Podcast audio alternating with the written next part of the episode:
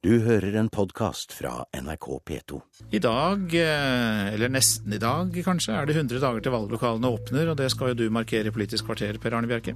Kan Erna Solberg ta fatt på sjarmøretappen og spasere inn i regjeringskontorene? Eller har de rød-grønne fortsatt muligheten til å vinne?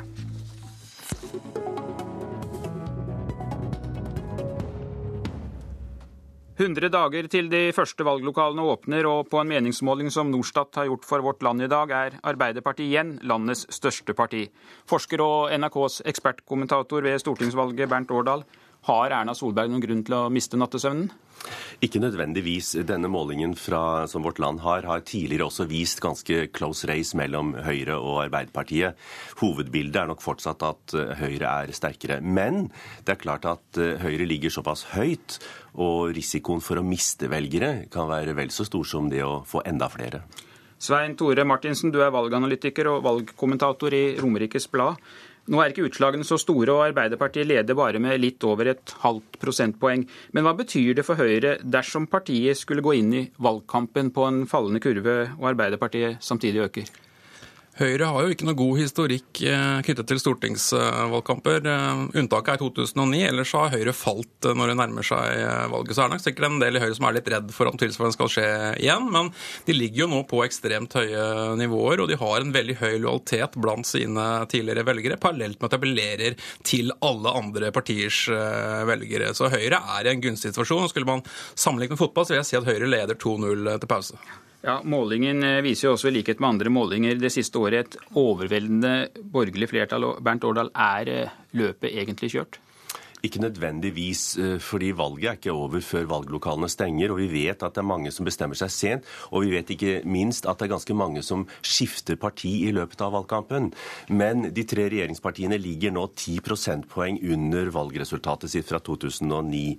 Så de skal ganske mye til. Selv om de si, pleier å hente seg inn. Arbeiderpartiet har de to siste valgene hentet en tre prosentpoeng i innspurten fra mai og til valget.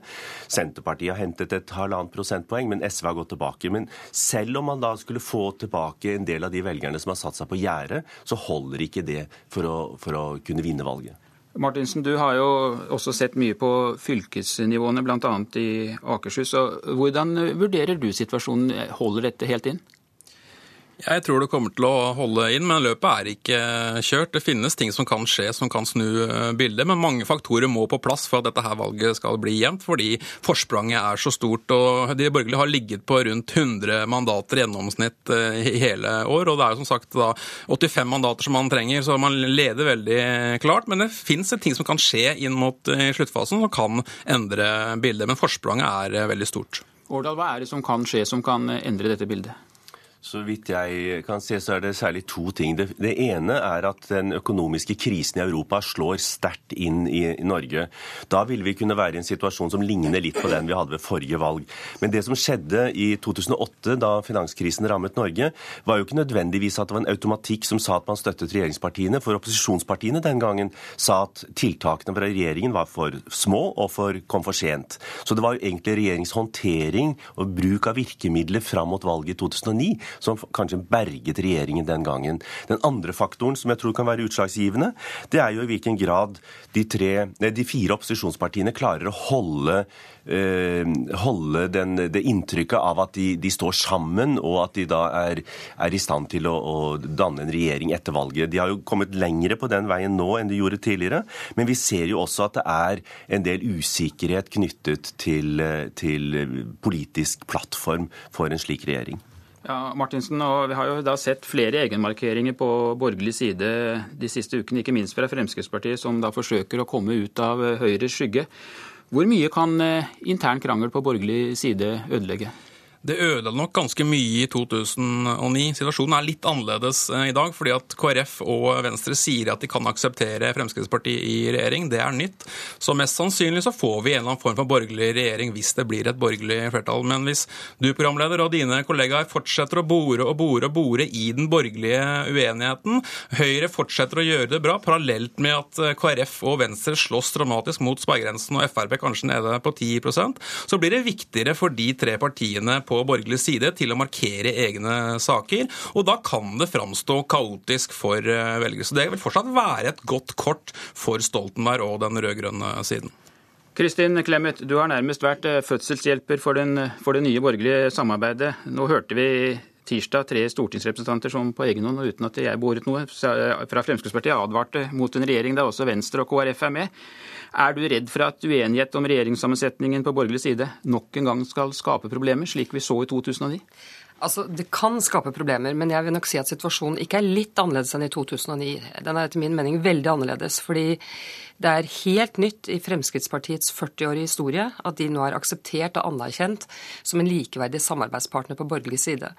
Og det gjør jo det alternativet mye mer troverdig. Eh, så kan man si at eh, det spriker, de er ikke enige om alt. Og det var jeg litt mer bekymret for for noen uker og måneder siden. Men når jeg ser hvor mye sprik det er på rød-grønn side, for de har også valgt å føre valgkamp hver for seg på en måte, så blir denne valgkampen egentlig ikke en blokk mot blokk-valgkamp så mye, men det blir også en eh, alles kamp mot alle. Så jeg frykter ikke det så veldig mye. Men det er klart de må også holde sammen for å etterlate et inntrykk av eh, et troverdig regjeringsalternativ. Ja, Rød-grønn sprik, og vi kan jo høre med ekspertisen her. Silje Skei Tveitdal, du er partisekretær i SV, og dere har åtte års erfaring med intern debatt. og Er den uenigheten vi ser på borgerlig side egentlig noe verre enn det vi har sett innad i regjeringspartiene helt siden 2005?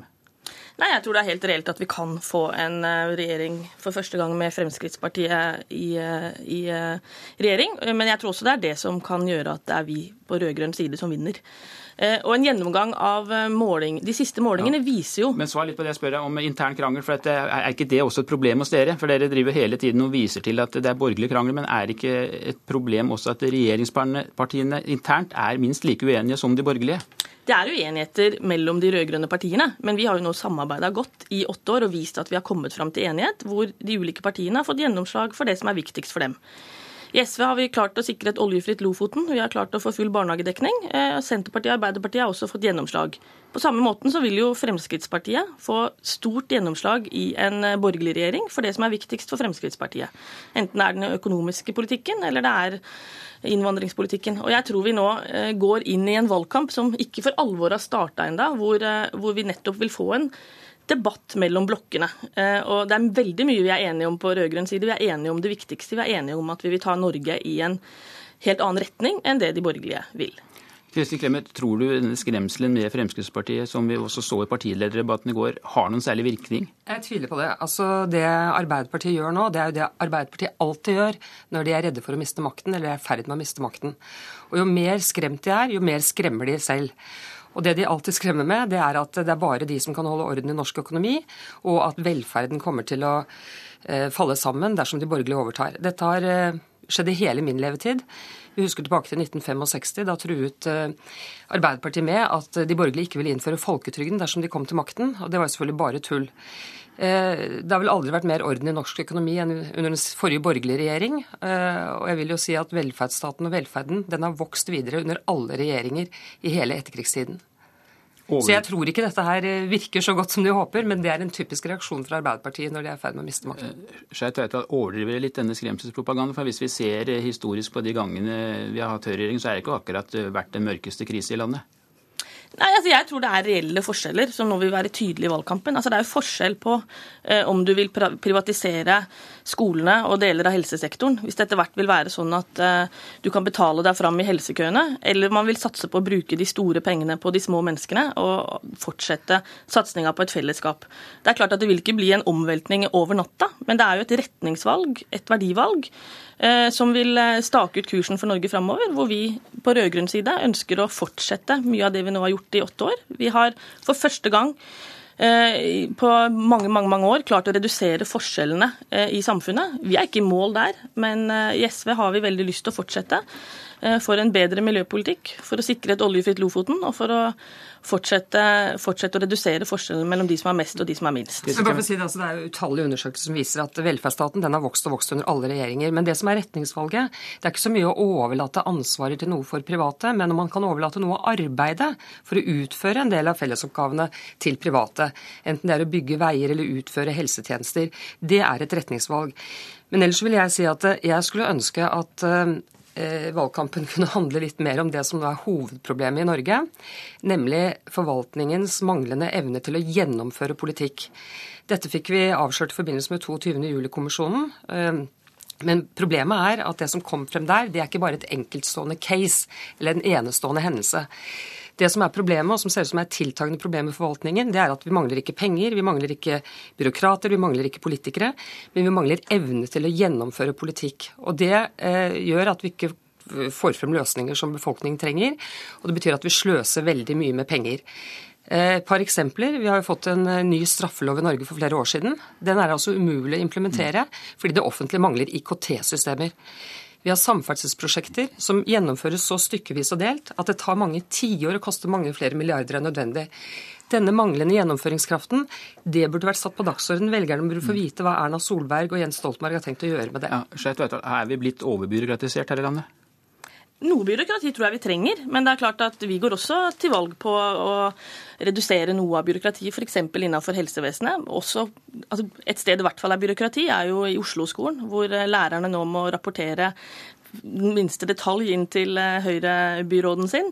Eh, der har vi muligheter for å kanskje gjøre noe etter hvert. Men, men eh, når det gjelder gjennomføringskraft, så, så, vil jeg jo vise til at denne regjeringen har jo levert på det, de viktigste områdene vi lovet. Altså, vi har gjennomført en barnehagereform som nå sikrer alle en lovfesta rett til barnehage med redusert pris. Det er kanskje den største velferdsreformen som er gjennomført i Norge på mange, mange tiår. Nå skal vi ta Norge videre. Ja, jeg hører litt med forskerne. Hva er det velgerne egentlig er opptatt av? Er de opptatt av dette at vi har for mye byråkrati, eller hvilke saker er det som slår best i en valgkamp? Årdal? Dette har du forsket på i årevis.